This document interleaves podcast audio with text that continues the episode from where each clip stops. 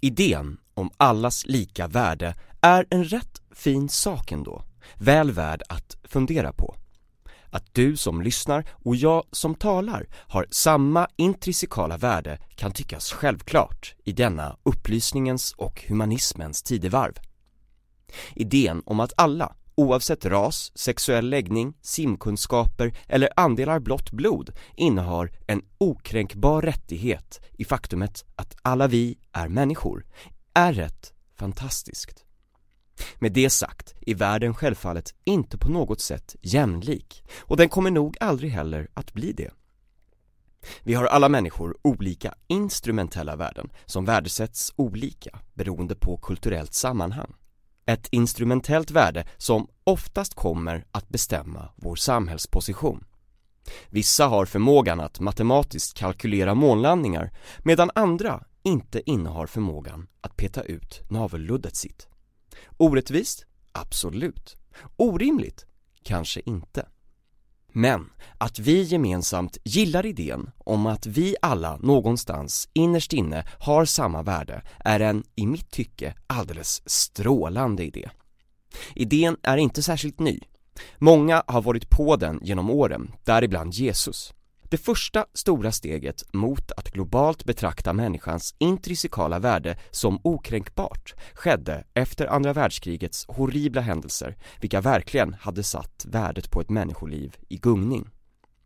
När stormen bedarrade samlades 1948 det relativt nyligen formerade Förenta Nationerna och slängde ur sig det som skulle komma att kallas deklarationen om mänskliga rättigheter. Den antogs med lätthet i generalförsamlingen. Ingen röstade emot förslaget, men ett antal länder valde faktiskt att inte rösta för. Sovjetunionen, Polen, Jugoslavien och Sydafrika valde att rösta blankt.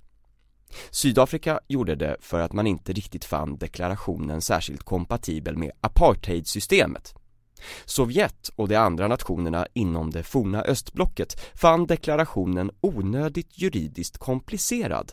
Men den stora anledningen torde vara att dessa länder inte på något vis var rättigheternas förkämpar. När deklarationen lades fram i FN var det kulmen på hundratals år av arbete och nytänkande. Jänkarna var tidiga på det i sammanhanget i termer av vilka nationer som var först med konceptet och idén om en fri nation där människor ansågs vara fria och jämlika antogs i och med självständighetsdeklarationens undertecknande i Philadelphia 1776. Fransmännen var inte långt efter och i samband med franska revolutionen 1789 antogs en förklaring vars absolut första artikel löd citat Människor föds fria och lika i rättigheter. Slut citat. Nu ska vi dock vara på det klara med att varken amerikaner eller fransmän tyckte att alla människor var fria och lika. Bland annat var slaveriet fortfarande på tapeten. Visserligen skulle den franska revolutionen förbjuda slaveriet som pågick i kolonierna, men när Napoleon kom till makten återupptogs det. I USA skulle slaveriet som bekant inte komma att avskaffas förrän i sena 1865 efter att landet gått till inbördeskrig om frågan. Forskare uppskattar att ända in i våra dagar lever tiotals miljoner människor under någon form av slaveri. Mestadels inom tvingat arbete, äktenskap eller sexindustrin. Det är oftast kvinnor som drabbas Uppskattningsvis är cirka 70% av dagens slavarbetare kvinnor eller flickor. Det är en stor industri som årligen genererar intäkter om 150 miljarder dollar. I Sverige har vi inte haft slaveri lagstadgat sedan vi sålde tillbaka kolonin Saint Bartholomé till fransmännen i slutet på 1800-talet. Med det sagt pågår fortfarande slaveri i viss utsträckning i Sverige. Det lärde mig Lucas Moodysson och hans Lilja Forever. Vi ligger dock i lä i jämförelse med nationen Mauretanien på Afrikas västkust. Mauretanien ligger söder om Marocko och Västsahara och var absolut sist med att förbjuda slaveri, vilket man gjorde först år 1981. Och så sent som 2007 bestämde sig landet för att äga slavar kunde vara förenbart med ett straffföreläggande. Det visade sig dock inte särskilt effektivt och vissa bedömare hävdar att fortfarande 600 000 människor, eller cirka 17% av Mauretaniens befolkning, fortfarande lever i slaveri. Ett rent helvete för väldigt många. Sverige har, trots sin nuvarande egenhävdade position som humanitär stormakt, en mörk historia vad det kommer till alla människors lika värde. Kanske framförallt vad det gäller rösträtten. Det brukar lyftas fram att Sverige var väl sent på det när kvinnor fick rösträtt först 1921 efter länder som Litauen, Georgien och Norge. Men det var inte särskilt enkelt för män att rösta i Sverige vid den här tiden heller. På den tiden hade vi en tvåkammarsriksdag och för att få rösta till den andra kammaren i riksdagen var det lägre krav, men ändå inte helt simpelt. För att få rösta skulle du vara minst 23 år gammal, inte vara försatt i konkurs, inte vara omhändertagen av fattigvården, inte vara ådömd straffpåföljd och du måste ha fullgjort din värnplikt. Första kammaren, med större makt, var det än värre med. Där skulle du vara minst 35 år gammal.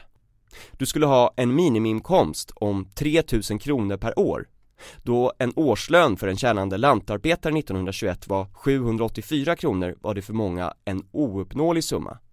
Slutligen skulle du även äga en taxerad fastighet till värdet av minst 50 000 kronor, vilket idag motsvarar cirka 1,1 miljon.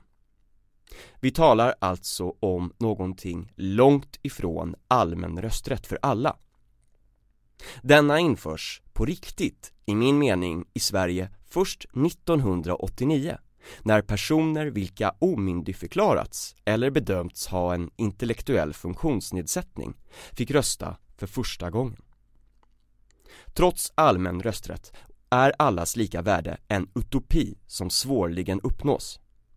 Ska vi ha ett helt jämlikt samhälle måste vi börja dra in rejält på folks friheter och det tror jag inte att många vill. Vi gillar när det är lite ojämlikt. Monarkin har exempelvis ett enormt starkt stöd i Sverige.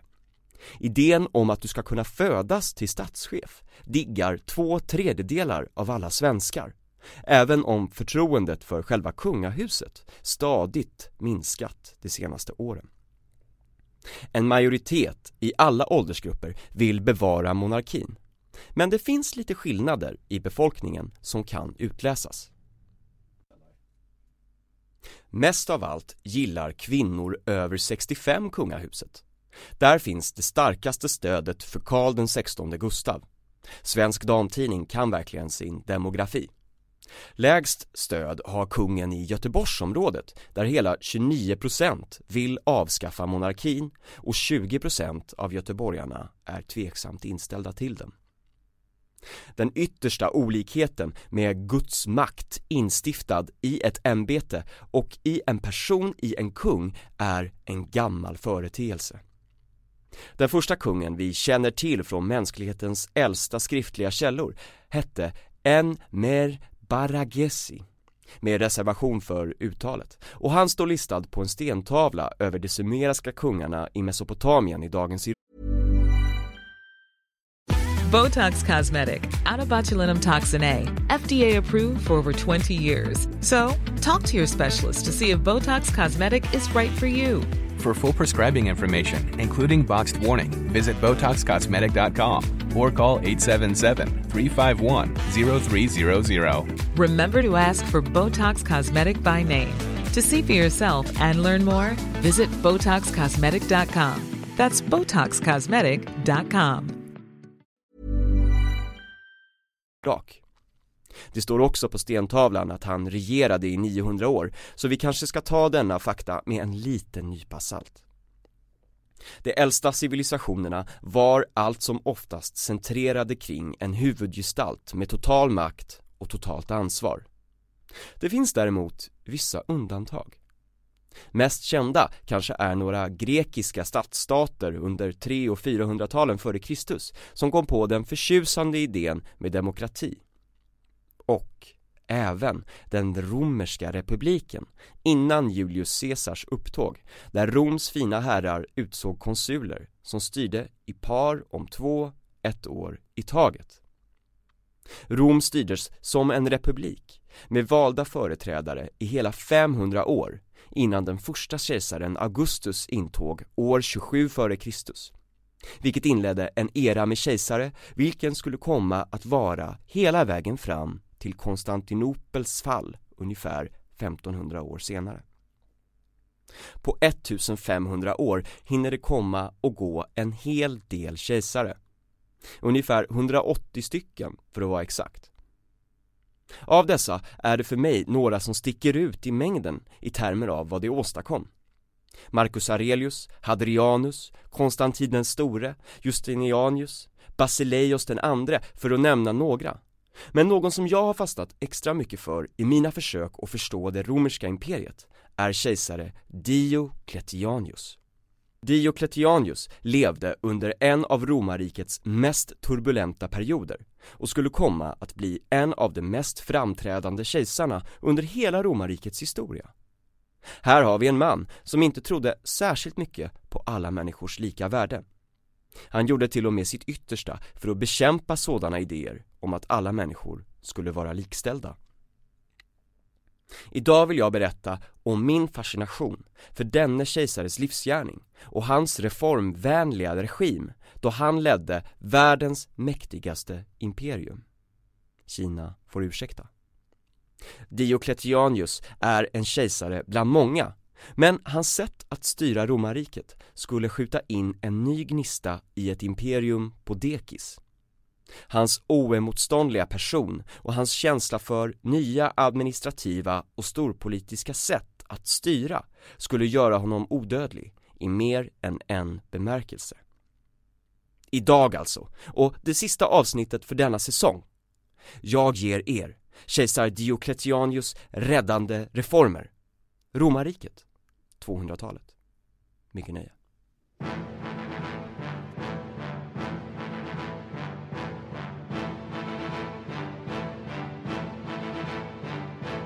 För att förstå Diocletianus reformer, varför de var så fantastiska och hur det kunde ens komma till pass, måste vi börja vår berättelse med en problembeskrivning av romarriket under denna era och varför imperiet var i kraftigt behov av att reformeras.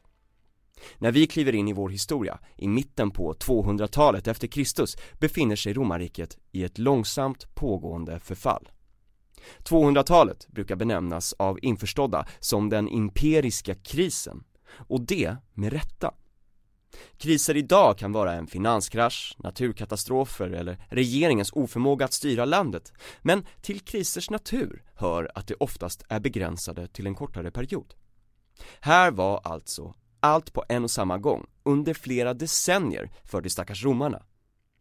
Under nästan hela 200-talet gick det mesta horribelt fel för det så omvurmade romerska imperiet.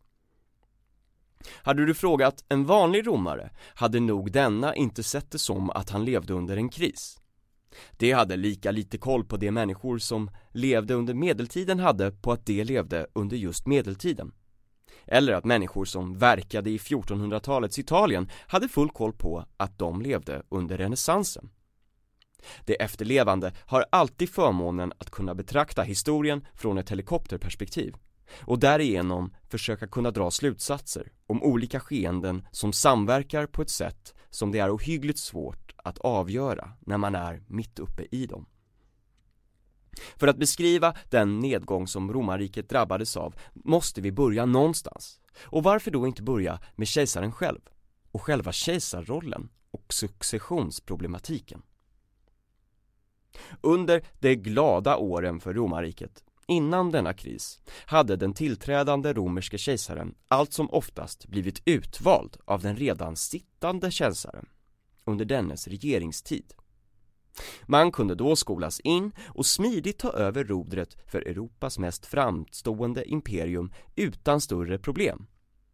Då, när det väl var dags och den gamle kejsaren trillade av pinn, kunde en legitim efterträdare som förstod vad jobbet innebar och krävde under någorlunda anständiga former tillträda.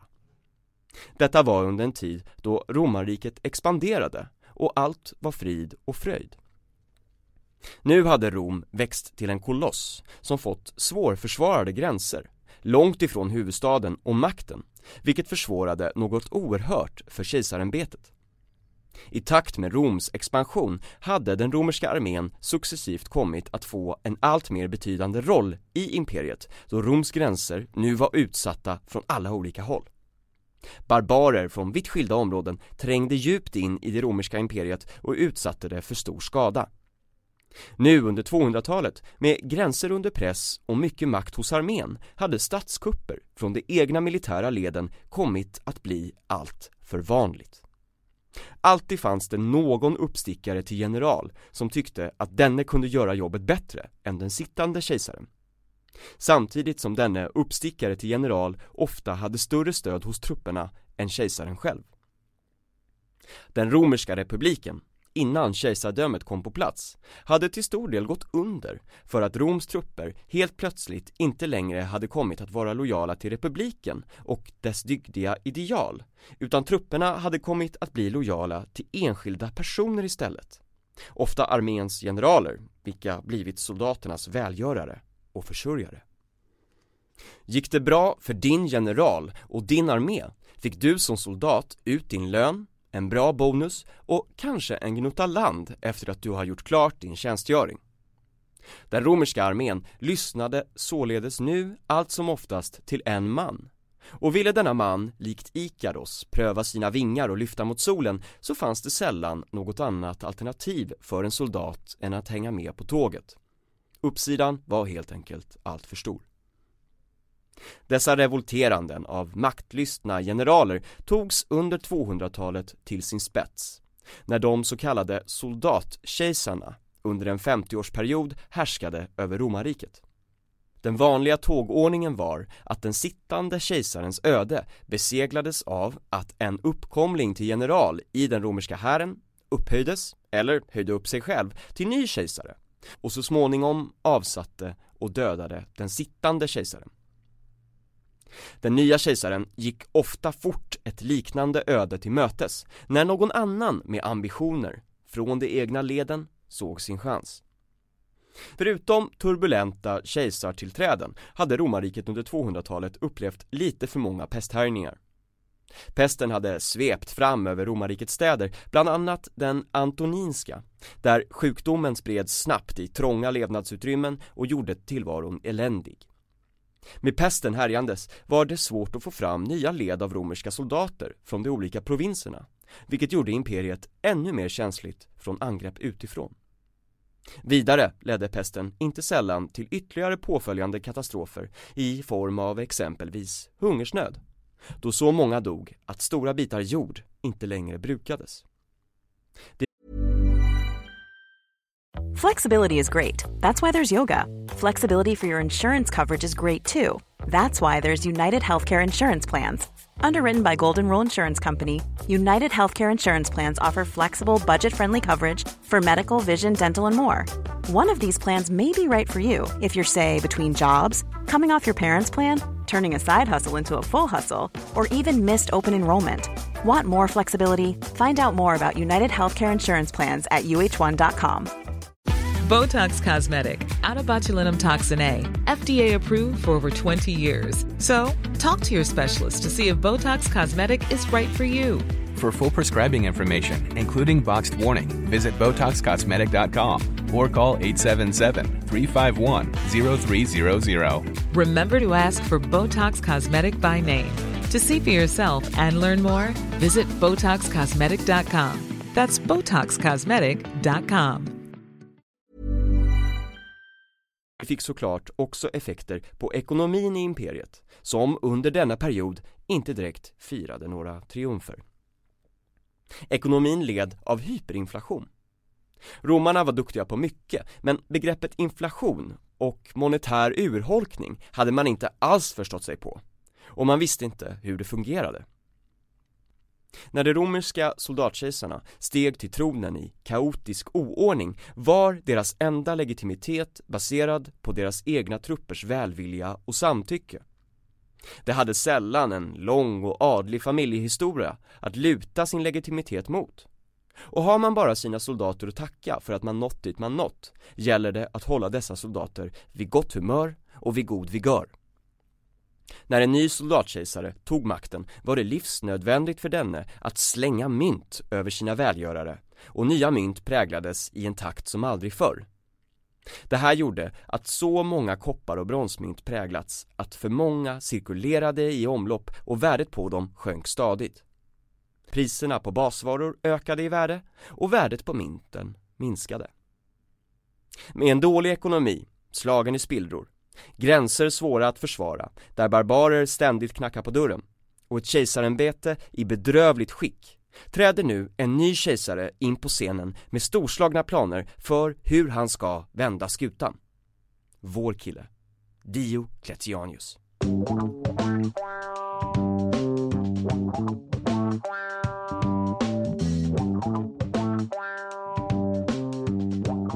Att vända på steken skulle vår Diocletianus vara tvungen att ändra på många saker inom imperiet som gått bort i tok. Han skulle också framgångsrikt ta in Rom i en ny era där solen igen skulle skina på imperiet och en uppgång skulle gå att skönja. Diocletianus föddes som Diokles någonstans runt 244 efter Kristus i nuvarande Kroatien. Vi vet inte mycket om hans tidiga liv innan han blev kejsare utom att han kom från rätt enkla förhållanden. Men vad vi vet är att han gav sig in på en militär karriär och steg i rankerna hela vägen upp som chef för den dåvarande kejsarens personliga livvakt. Något som också förärade honom med ett konsulskap när han var runt 40 år gammal. När den dåvarande kejsaren dog och så sedan även kejsarens son såg Diokles sin chans Hans goda rykte och högt uppsatta position i armén gjorde att han kunde utropa sig själv till Roms nya kejsare. Och han tog namnet Gaius Aurelius Valerius Diocletianus. Diocletianus for short. Efter att ha drivit ett kort inbördeskrig mot den gamle kejsarens sista överlevande son kunde Diocletianus slutligen bestiga den kejserliga romerska tronen i året 286. Diocletianus skulle visa sig vara precis vad romarriket behövde i denna krisartade tid. Och han skulle komma att genomföra reformer som fick långväga konsekvenser ända in i våra dagar. Jag skulle kunna pågå i evigheter om hans reformering av armén och hur han gjorde den till ett väloljat maskineri eller hur hans senare förföljelser av kristna skulle göra att religionen kanske fick starkare fäste än tidigare i riket och bäddade vägen för att det skulle bli den officiella religionen i romarriket bara några decennier senare. Idag vill jag dock berätta om två saker som kanske fascinerar mig allra mest med hans nydanande policies. Hans förändringar av kejsarämbetet och hans försök att rusta upp den dåliga ekonomin. Vi börjar med att prata om hans förändringar av kejsarämbetet. Diocletianus uppsteg som kejsare över ett imperium som var i kaos, vilket vi talat om tidigare. Imperiet hade växt sig så pass stort att det var nästintill omöjligt att kontrollera. Jobbet var för svårt endast för en människa att klara av. Diocletianus ville såklart ändra på detta och gjorde därför något som få andra kejsare skulle ha vågat. Han bestämde sig för att dela med sig av den yttersta makten. Efter bara några år som kejsare hade Diocletianus instiftat det som skulle komma att kallas tetrarkin. På grekiska betyder det styret av de fyra. Det innebar att två seniora herrar, varav Diocletianus var en, och två juniora herrar, som så småningom skulle bli seniora, delade upp romarriket mellan sig i fyra delar och alla de fyra fick ansvara för sina tilldelade provinser. Det här gjorde att mycket mer helt plötsligt kunde åstadkommas. Nu kunde fyra gånger så många ordrar skrivas, styret av provinserna få mer handpåläggning och upprustningen av försvaret blev enklare. Samtidigt kunde man planera bättre för framtiden och successionsordningen var räddad.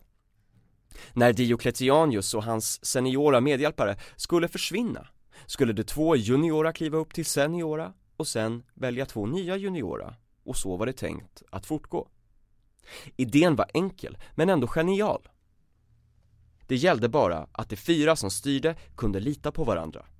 Något jag kommer återkomma till senare. Diocletianus insåg också att det kejserliga ämbetet hade urholkats rejält. Med så många framgångsrika revolter under soldatkejsarnas tid under imperiets krisår var kejsaren som vilken annan man som helst. Detta hade även att göra med att Rom ju sprungit ur en republikansk tradition där den styrande kejsaren skulle vara en man av folket med folkets intressen i första rummet. Kejsare kom och gick och var i händerna på sina soldater. Diocletianus funderade länge och han kom på den briljanta idén att han numera skulle påtala att kejsarämbetet var ett gudomligt sådant och att han var utsedd av gudarna. Det här stabiliserade romarriket något ofantligt, för plötsligt kunde inte armén revoltera och utse en ny general till kejsare, för det var ju något som var förbehållet gudarna att bestämma.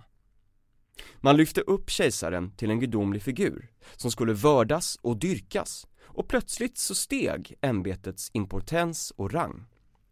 Denna idé av Diocletianus skulle få konsekvenser för Europa långt framåt i tiden, då i princip alla monarker på kontinenten framåt skulle hävda att deras makt var de tilldelade av Gud, vilket på alla sätt och vis gjorde dem ouppnåeliga. När nu tronföljden och toppskiktet i riket var någorlunda säkrat gällde det att stabilisera romarrikets usla ekonomi. För att det skulle fungera behövde man omarbeta det juridiska systemet, byråkratin och valutapolitiken. Under kristiden hade mycket av det romerska samhällssystemet flutit undan. Romersk lag var inte längre lika stark som den varit och det som utövade makten ute i provinserna hade i stort sett försvunnit. Viss maktutövning och rättsskipning skedde såklart, men den skedde ofta slarvigt och dåligt med en urholkning av tilltron till systemet som följd.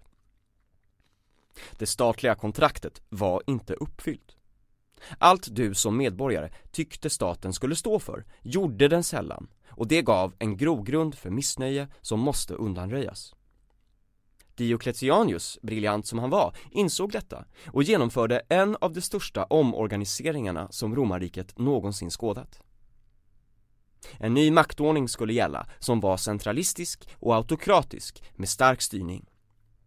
Successivt över tid dubblade han antalet civilanställda i den romerska imperiets tjänst, från 15 000 till ungefär 30 000. Något som verkligen behövdes för att hålla koll på imperiets mellan 20 och 50 miljoner invånare vid den här tiden. Det här var det första steget i den byråkratiserade staten som vi ser och använder oss av idag i de flesta länder. På detta reformerade Diocletianus provinsindelningen i det romerska riket. Han gjorde dem mindre och fler och streamlinade administrationen och såg till att fler människor gjorde fler saker i ett starkt försök att återetablera samhällskontraktet. Romersk lag skulle styra i romerska provinser och den romerska administrationen skulle vara synlig och framträdande för att ingjuta respekt i undersåtarna. Han skickade personligen ut instruktioner om att guvernörerna i de olika provinserna förväntades aktivt själva delta i den juridiska rättsskipningen. De nya mindre provinserna möjliggjorde detta då guvernörerna hade en mycket mer rimlig arbetsbörda att ta sig an. Mer folk fokuserade nu på färre saker men ändå fler saker sammantaget. Som ett led i den förbättrade administrationen slopade nu Diocletianus också Italiens och Egyptens speciella status inom imperiet. Romarriket hade ju sprungit ur den italienska halvön och Egypten med all dess gloriösa historia och plats som romarrikets kornbord hade gjort att det under århundradena åtnjutit en väldigt särskild position i det romerska imperiet med undantag och friheter som andra regioner inte åtnjöt. Nu var det slut med den räkmackan. Alla skulle bidra lika och systematiskt började kejsarmakten att återta kontrollen över imperiet. Som ett led i att centralmakten sträckte ut sina tentakler i riket införde man även ett meritokratiskt system bland statens anställda Tidigare hade många höga poster i det romerska imperiet tillsatts av höga herrar från Rom, som endast fick posten tack vare sin familj eller sin börd. Den nye kejsaren såg på detta från ett helt nytt sätt. kanske tack vare sin egen låga börd, och tog bort dessa urgamla rättigheter för italienarna och de gamla patricierna och instiftade ett nytt system.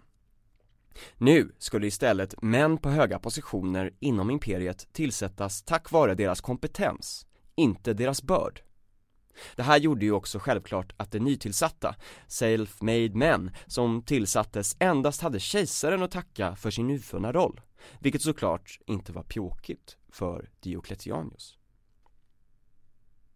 Vi har ju varit inne lite på valutapolitiken och det var kanske den som jäckade kejsaren mest under hans regeringstid. Den romerska valutan var förstörd. Inflationen var för stor, man förstod att det var dåligt att trycka nya mynt obehindrat men ingen hade förståelse för hur inflation fungerade eller vad man skulle kunna göra åt det. Diocletianus försökte verkligen ta itu med det här problemet. Han testade att vända på utvecklingen med inflationen som pågick genom att släppa nya mynt som en ny valuta. Trots detta nya myntsystem hjälpte det inte problemet med inflationen. För många andra av de sämre mynten, det som tidigare var präglade, var i omlopp för att det skulle få någon större effekt med det nya monetära systemet. De mynten som fanns i omlopp var bedrövligt värderade, behövde istället imperiet skötas och skatter tas in med någon form av valuta som inte var mynt. Något konkret som folk faktiskt förstod.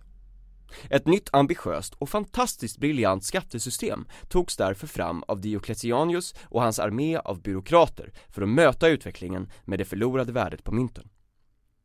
Diocletianus, som spenderat en stor tid av sitt vuxna liv i armén, räknade tillsammans med sin stab ut hur mycket, inte bara en armé, utan hela imperiets alla arméer och hela staten behövde materiellt för att kunna fungera.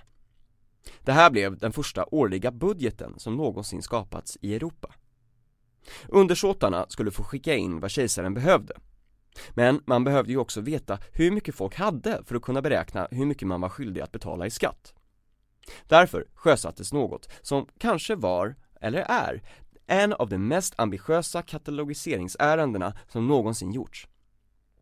Byråkrater reste nu runt i hela det romerska imperiet och katalogiserade allt, precis allting, för att kunna beräkna vad du som medborgare skulle betala i skatt. Man räknade människor, djur, hur mycket land man ägde, hur mycket man producerade årligen, ifrågasatte och förhandlade, ett enormt projekt. Men när det var klart hade man en god grund för ett effektivt skatteunderlag. När nu katalogiseringen var gjord behövdes bara ett bättre substitut för den romerska valutan. Byråkraterna tog fram listor för allt staten behövde och satte deras värde i förhållande till varandra. Så många amforor vin var värt så många lass med hö, så många tillverkade rustningar var värda så många skor eller hönor. Efter att alla produkter i riket jämförts med varandra bröt man ner det i behändiga beståndsdelar och fick en enhetlig skala för skatt. En amfora vin var värd så många skattenheter en sko var värd så många skatteenheter. En sjötransport värd så många skatteenheter. Helt plötsligt hade Diocletianus och hans rådgivare skapat ett parallellt ekonomiskt system där pengar för skatteindrivningen inte behövde användas.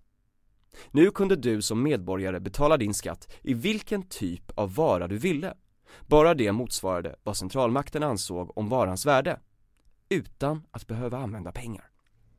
Nu tänker säkert ni lyssnare, vad händer om alla av imperiets undersåtar skulle bestämma sig att betala sin skatt i samma vara, låt säga mjölk?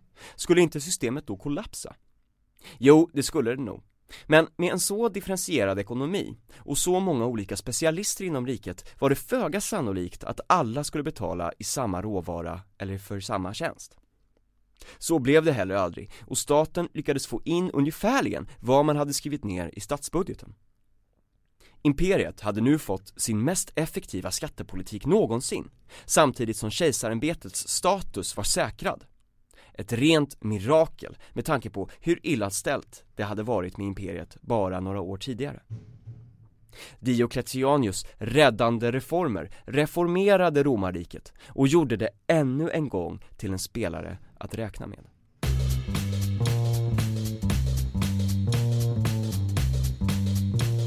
Efter 21 år på tronen, år 305, tar den då 60-åriga Diocletianus det fantastiska beslutet att abdikera från tronen. Något som ingen kejsare någonsin gjort innan honom och som ytterst få skulle göra efter honom. Han var klar. Han drog sig tillbaka till sina födelsetrakter i Kroatien för att leva ett liv i stillhet med trädgårdsarbete. När man än idag i staden Split kan besöka hans palats. Han skulle få se sin baby, tetrarkin, splittras bara några år senare när ambitiösa män på de högsta positionerna inom riket inte kunde hålla sams. Legenden säger att när han blev tillfrågad att komma tillbaka och styra imperiet när det föll samman i kaos några år efter hans avträde, att han svarade i brevform Om ni skulle se mina kolplantor i min trädgård skulle ni förstå orimligheten i detta förslag. Diocletianus dog år 311 en av de få kejsare under de senaste 200 åren som hade dött en stillsam död. Diocletianus reformer var livsnödvändiga för romarriket i kris och många av hans idéer för att förändra styrelseskicket bär vi med oss ända in i våra dagar. Han såg inte direkt att allas lika värde var någonting att sträva efter. Men att han strävade gjorde att medborgarnas värden förhöjdes och att deras liv förbättrades. Jag har i min strävan att göra era liv lite roligare och drägligare därmed konkluderat den första säsongen av denna podcast. Tack till alla er som lyssnat. Vill ni komma i kontakt med mig gör ni det lättast på fredrik.timell.gmail.com och ni får gärna gå in och ge podcasten ett glatt betyg och skriva en recension samt sprida podden till andra ni tror skulle gilla den. Podden har producerats i samarbete med Podmi. Stort tack och hoppas att ni får en kanonstart på det nya decenniet.